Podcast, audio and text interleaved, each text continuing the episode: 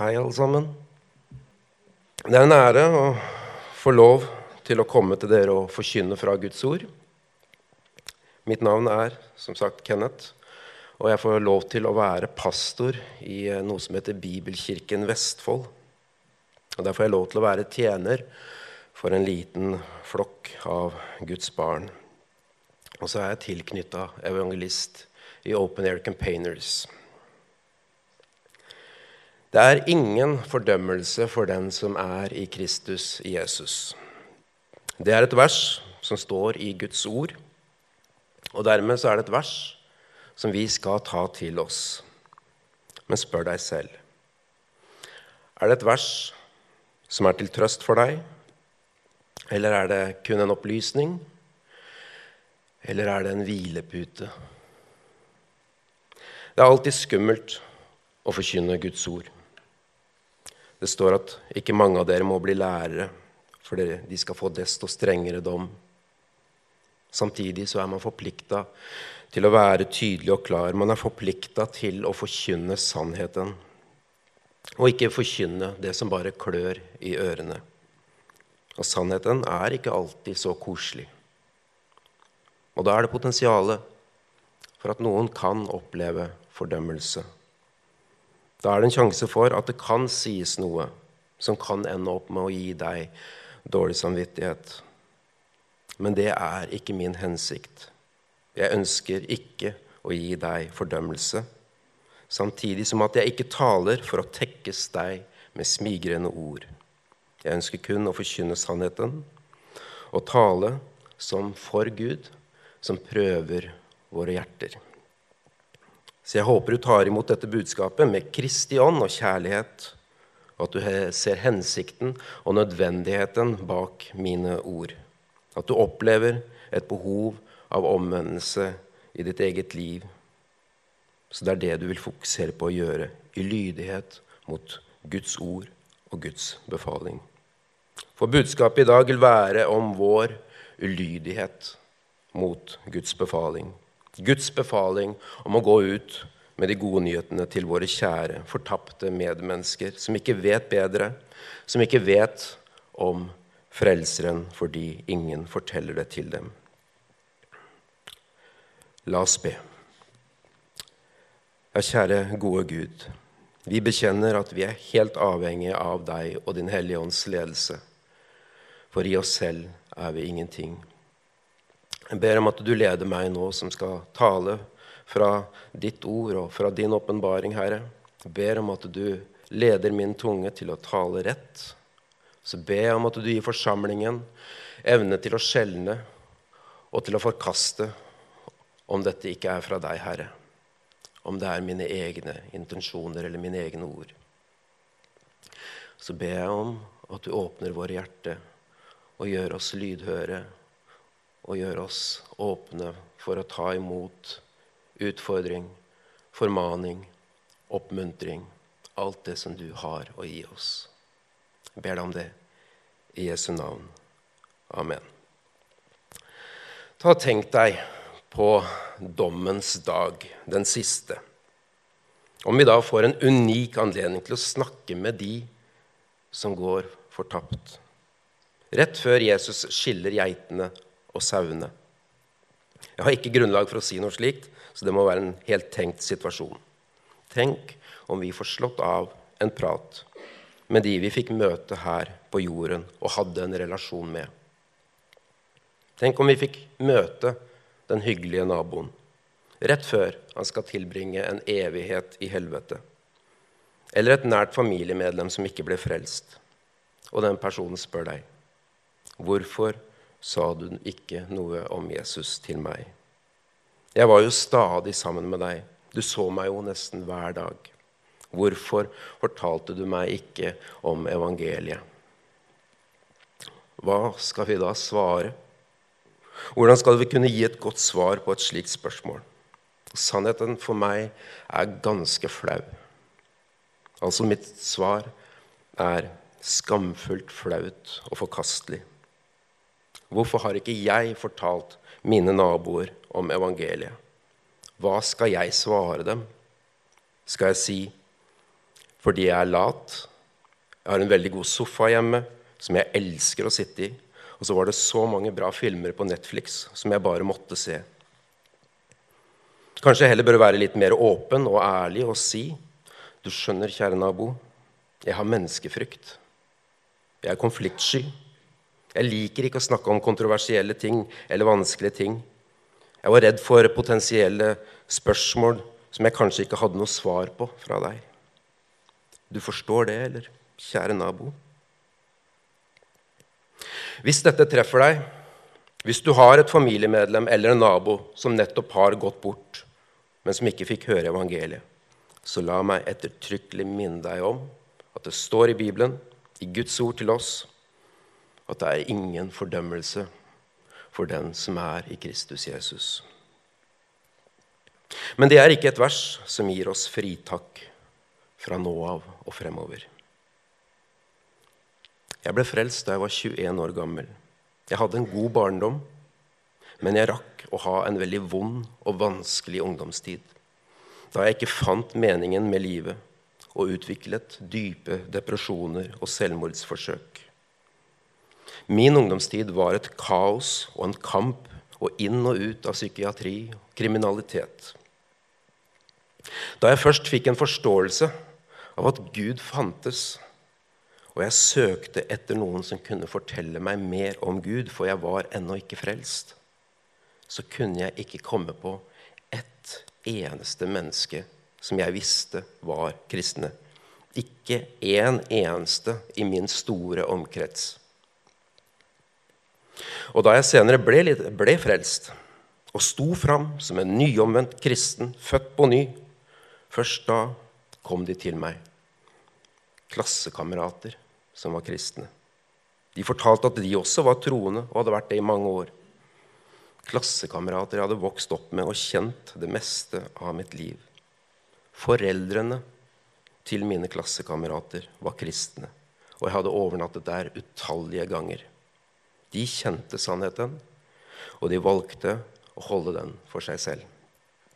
Tenk om jeg kunne fått åpenbart meningen med livet allerede som et barn.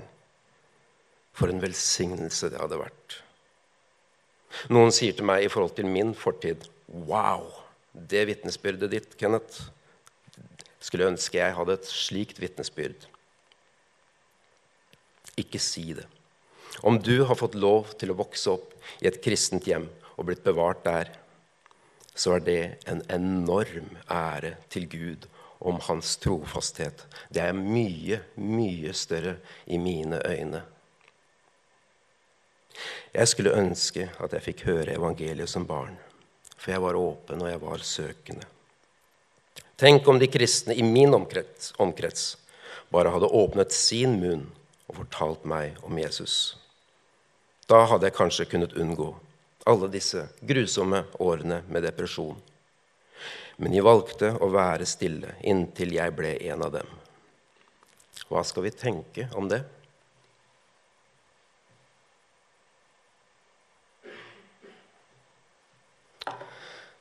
Det er ingen fordømmelse for den som er i Kristus Jesus.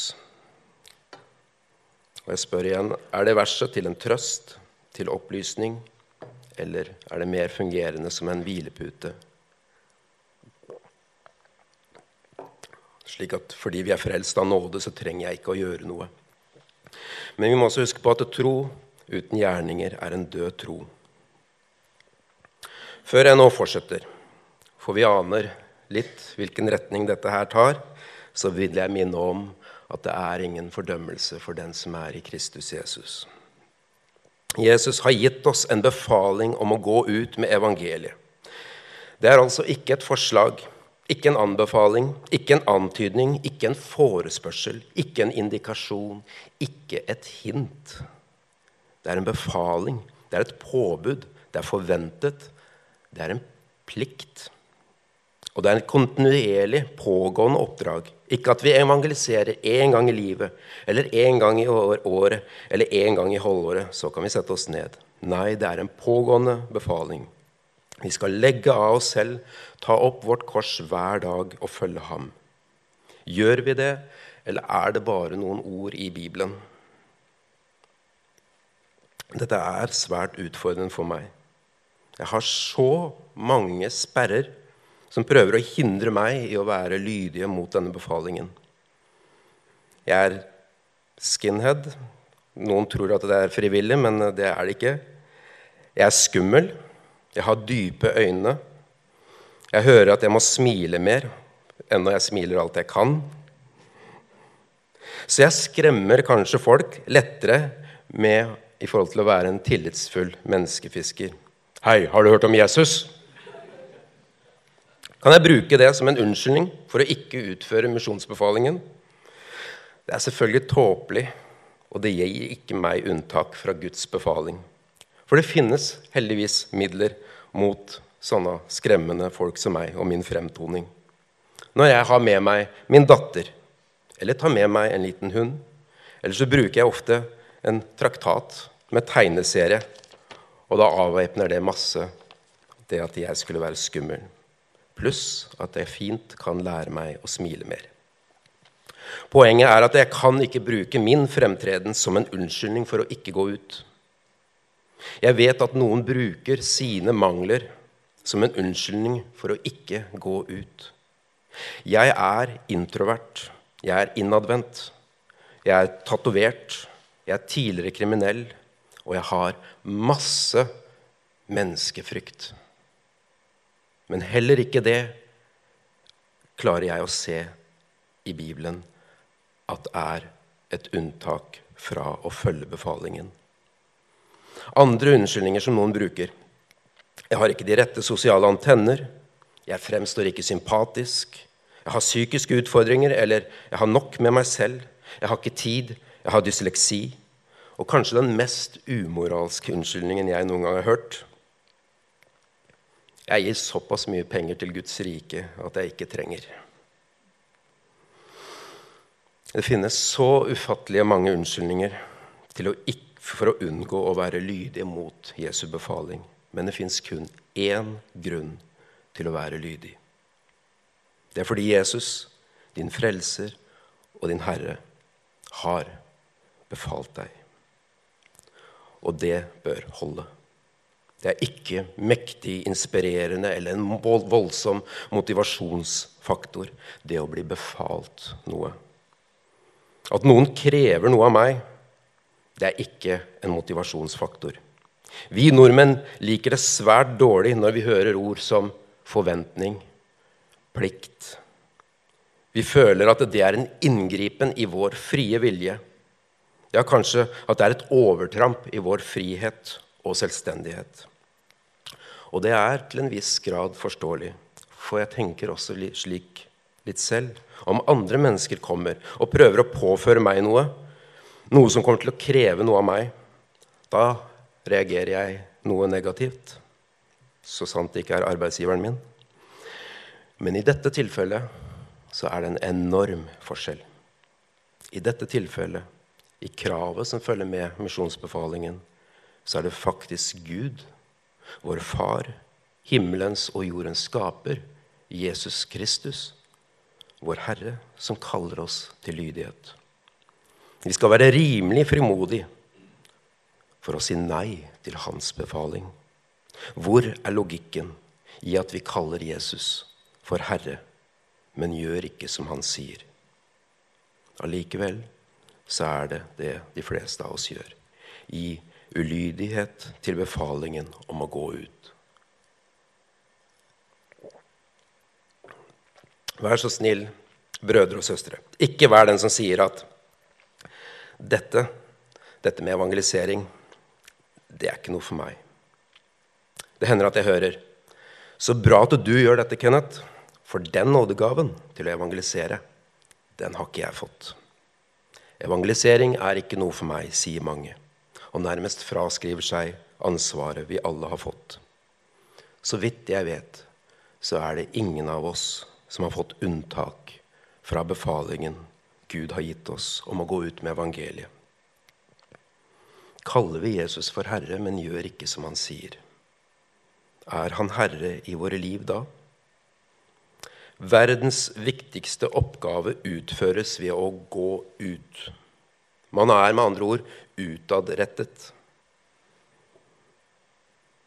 Man er den som tar initiativet til å gå ut til andre med verdens beste nyheter. Hvorfor sitter vi da innenfor våre fire trygge vegger og ber til Gud om å sende mennesker inn til oss? Jeg vet ikke om dere gjør det, men jeg kjenner til at det er mange som gjør det slik. Implisitt i en slik bønn så sier man egentlig slik at vi slipper å gå ut til dem. Jeg skal fortelle deg en hemmelighet. Eller det er egentlig ikke en hemmelighet, men kanskje du blir overraska. Hør godt etter nå. Jeg har ikke nådegaven til å evangelisere. Jeg kjenner ikke på et kall til å evangelisere.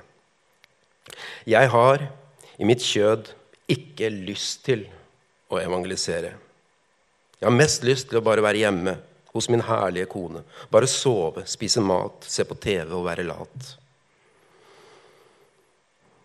Hvorfor skal jeg da gå ut når jeg ikke kjenner på et kall? Når jeg ikke har nådegaven til evangelisering? Når alt stritter imot? Menneskefrykt, uvilje, tiltaksløshet, fysiske smerter i kroppen, manglende energi. Hvorfor skal jeg gidde å gå ut? Jeg har alle de unnskyldninger jeg trenger til å la være. Jeg vil at du skal vite at jeg har ikke gaven til evangelisering, og jeg ikke kjenner på et kall til å evangelisere. Jeg vil at du skal vite det, slik at du vet at det er ikke en gyldig grunn.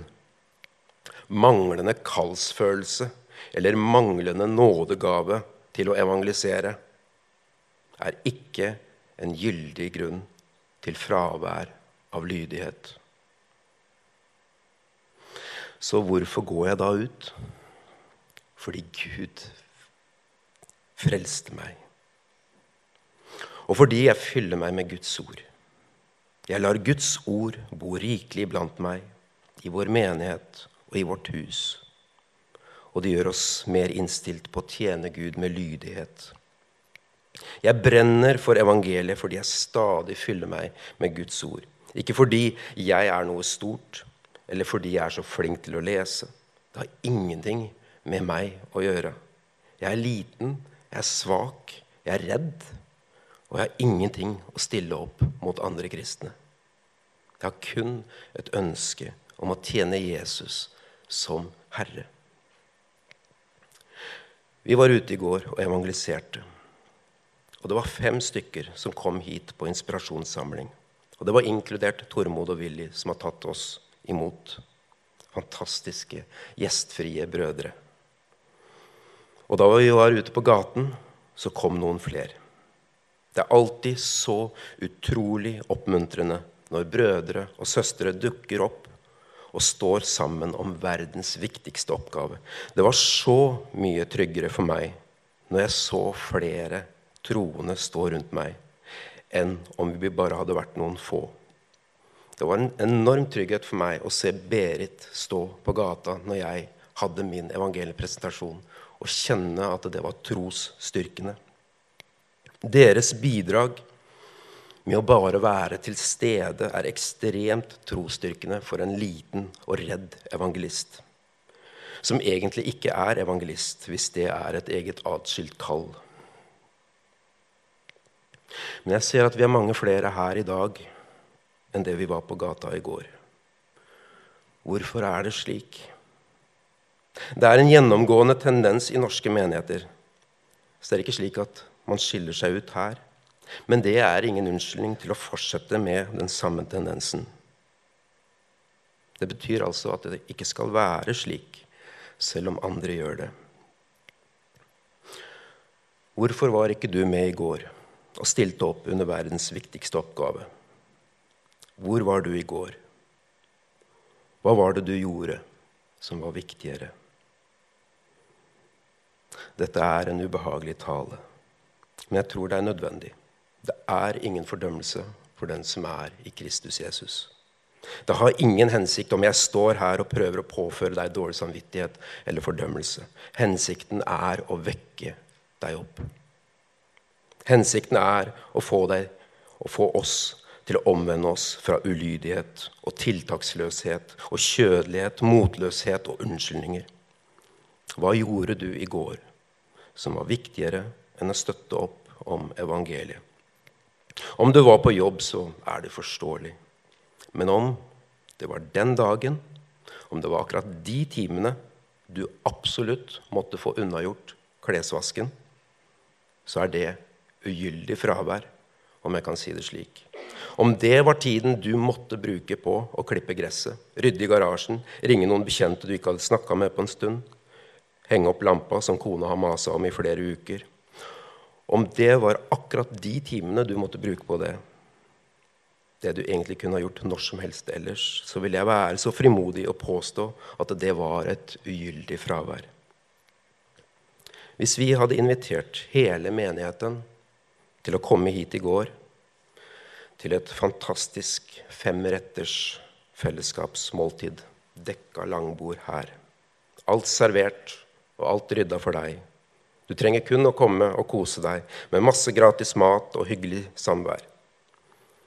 Hvor mange flere av dere hadde fått til å komme da? Om flere av dere tenker litt likt som meg, så tror jeg at ganske mange av dere hadde kommet til en slik anledning fremfor evangelisering. Dette er ubehagelig, og jeg er klar over det. Og jeg sier ikke disse tingene fordi jeg syns det er lett, eller fordi jeg ikke er svar skyldig selv.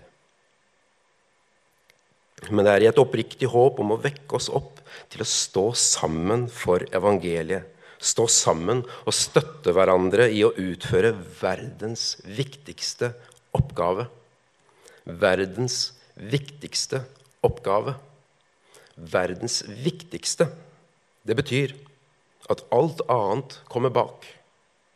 La de døde begrave sine døde. Kom så du, og følg meg. Det å dele evangeliet er verdens viktigste oppgave. Våre kjære medmennesker er på vei mot fortapelsen. La oss stå sammen og advare dem. La oss elske dem så høyt at vi er villige til å legge ned våre liv, til å ta opp vårt kors og følge Jesus. La oss være lydige til misjonsbefalingen og hans kall. Hans kall er alles kall, og ikke noe du må føle på først for å kunne være lydig. Hvorfor er det så store mangler i vår vilje? Jeg synes alltid at penger kan avsløre min motivasjon. Er det det samme for deg? Tenk deg selv. Hvis du ble lovet 5000 kroner for hver eneste gang du ble med ut og evangeliserte Det er en strømregning, det. Hvis du i tillegg hadde fått 450 000 kroner om du i løpet av ett år fikk være med minst 20 ganger, ville ikke det vært en større motivasjonsfaktor? Jeg må bare være ærlig og si at det hadde hjulpet ekstremt mye på min motivasjon. Så hvorfor vil vi ikke da gå ut i lydighet uten disse pengene? Det er jo ikke det at vi ikke har anledning. For hadde pengene vært der, så hadde vi fått det til. Er ikke det litt flaut? At vi lar oss motivere av penger, men ikke at vi med vår handling kan frelse en sjel ut av dødsryket. Jeg synes det er forferdelig flaut at jeg har en slik holdning. Så må vi viktig huske på det er ingen fordømmelse for den som er i Kristus Jesus. Men vi må for all del ikke bruke det som en hvilepute. For om du er i Jesus Kristus, så vil du ha iboende i deg et ønske om å nå dine kjære medmennesker, som vil gå fortapt om vi ikke deler Guds ord med dem. Så hva gjør vi nå? Når det viser seg at vi har kanskje feil motivasjon. Ikke bare feil motivasjon, men en forkrøpla motivasjon. Hva er det vi forteller til verden om vi ikke ser det som viktig nok å gå ut med det vi tror på? Spesielt når det er en så enorm konsekvens for de av våre kjære medmennesker som går sin vei mot fortapelse uten Guds ord. Jeg håper du sitter med samme tanke som meg. Dette er ille. Dette er flaut. Jeg håper du har enda sterkere uttrykk. Dette er forkrøpla. Det er umoralsk, det er ukjærlig, det er lite verdig for en etterfølger av Jesus. Dette er synd. Dette er syndig. Min dårlige holdning mot Guds befaling er syndig. Hvis du kan klare å komme til den erkjennelsen, så er det et stort håp. For vi har en stor, nådig og kjærlig Gud som vet om vår håpløse, svake tilstand. Så om vi klarer å erkjenne det som synd, så kan vi omvende oss nå i dag, mens det ennå er dag. Vi kan omvende oss fra vår tiltaksløshet og dårlige holdninger og be Gud om tilgivelse. Og Gud vil tilgi oss. Men det må være en omvendelse. Altså Vi må slutte med det vi gjør, og gjøre annerledes. Eller slutte med det vi ikke gjør, og fra nå av begynne å virke for Gud ved å være lydige til misjonsbefalingen og gå ut med evangeliet. Vær med og støtt kraftig opp om denne menighetens pastorer og ledere, de som våker over deres sjeler. Vær et flittig medlems, menighetsmedlem. Kom og hør Guds ords forkynnelse, og be for de som taler Guds ord til dere. Kom også og støtt opp om de som går ut, og fasiliterer muligheter for evangelisering. Støtt opp under Tormod, og bli en del av en gruppe som holder hverandre ansvarlige og stadig går ut. Oppmuntre ved hverandre ved å bli med, ved å innvie deg. Gud vil tilgi oss vår tidligere troløshet. For det er ingen fordømmelse for den som er i Kristus Jesus. For livets ånds lov har i Kristus Jesus frigjort meg fra syndens og dødens lov. Dette var en hard, men jeg tror nødvendig tale. Det står ufattelig mange løfter til oss i Guds ord om at Gud er med oss. Hvis Gud er for oss, hvem kan da være mot oss? Så vi har ingenting å frykte i vår lydighet til Hans befaling. Dere kjenner den, men jeg leser den allikevel. Misjonsbefalingen, Matteus 28, vers 18. Og Jesus trådte fram, talte til dem og sa, Meg er gitt all makt i himmel og på jord. Gå derfor ut og gjør alle folkeslag til disipler idet dere døper dem til Faderens og Sønnens og Den hellige ånds navn, og lærer dem å holde alt det jeg har befalt dere. Og se, jeg er med dere alle dager inntil verdens ende. Jeg kjenner ikke dere, så det kan fremstå som litt freidig av meg å bare komme innom her og fyre løs med formaninger. Om jeg har vært for frimodig i mine antagelser og antydninger, så tilgi meg. Det er ikke min hensikt å skape dårlig stemning eller fordømmelse, men å vekke opp til ivrig tjeneste for vår Herre Jesus Kristus. Jeg kjenner dere ikke slik som deres hyrder gjør, så jeg har ingen autoritet utover det Skriften sier. Dere er mine søsken, og jeg elsker dere og ønsker derfor bare å vekke oss opp. Fordi jeg trenger det selv. La oss be sammen. Kjære gode Gud. Dette var harde ord. Hjelp oss, Herre, til å prosessere dem riktig. Hjelp oss og bevare oss fra fordømmelse, Herre. Hjelp oss, Herre, at om det var noe som traff meg i dette her, hjelp meg til å ta et steg, til å ta ansvar og til å omvende meg. Herre, jeg er så redd for mine medmennesker. Jeg er så redd for å gjøre dette her sånn. Jeg vet ikke hvordan. Derfor, Herre, så ber jeg om styrke og kraft og vilje til å ville gå ut og evangelisere og forkynne for mine medmennesker. Enten det er på gata, eller det er på jobben, eller det er i familie. Eller bare på kafé, Herre. Jeg ber deg om det i Jesu navn. Amen.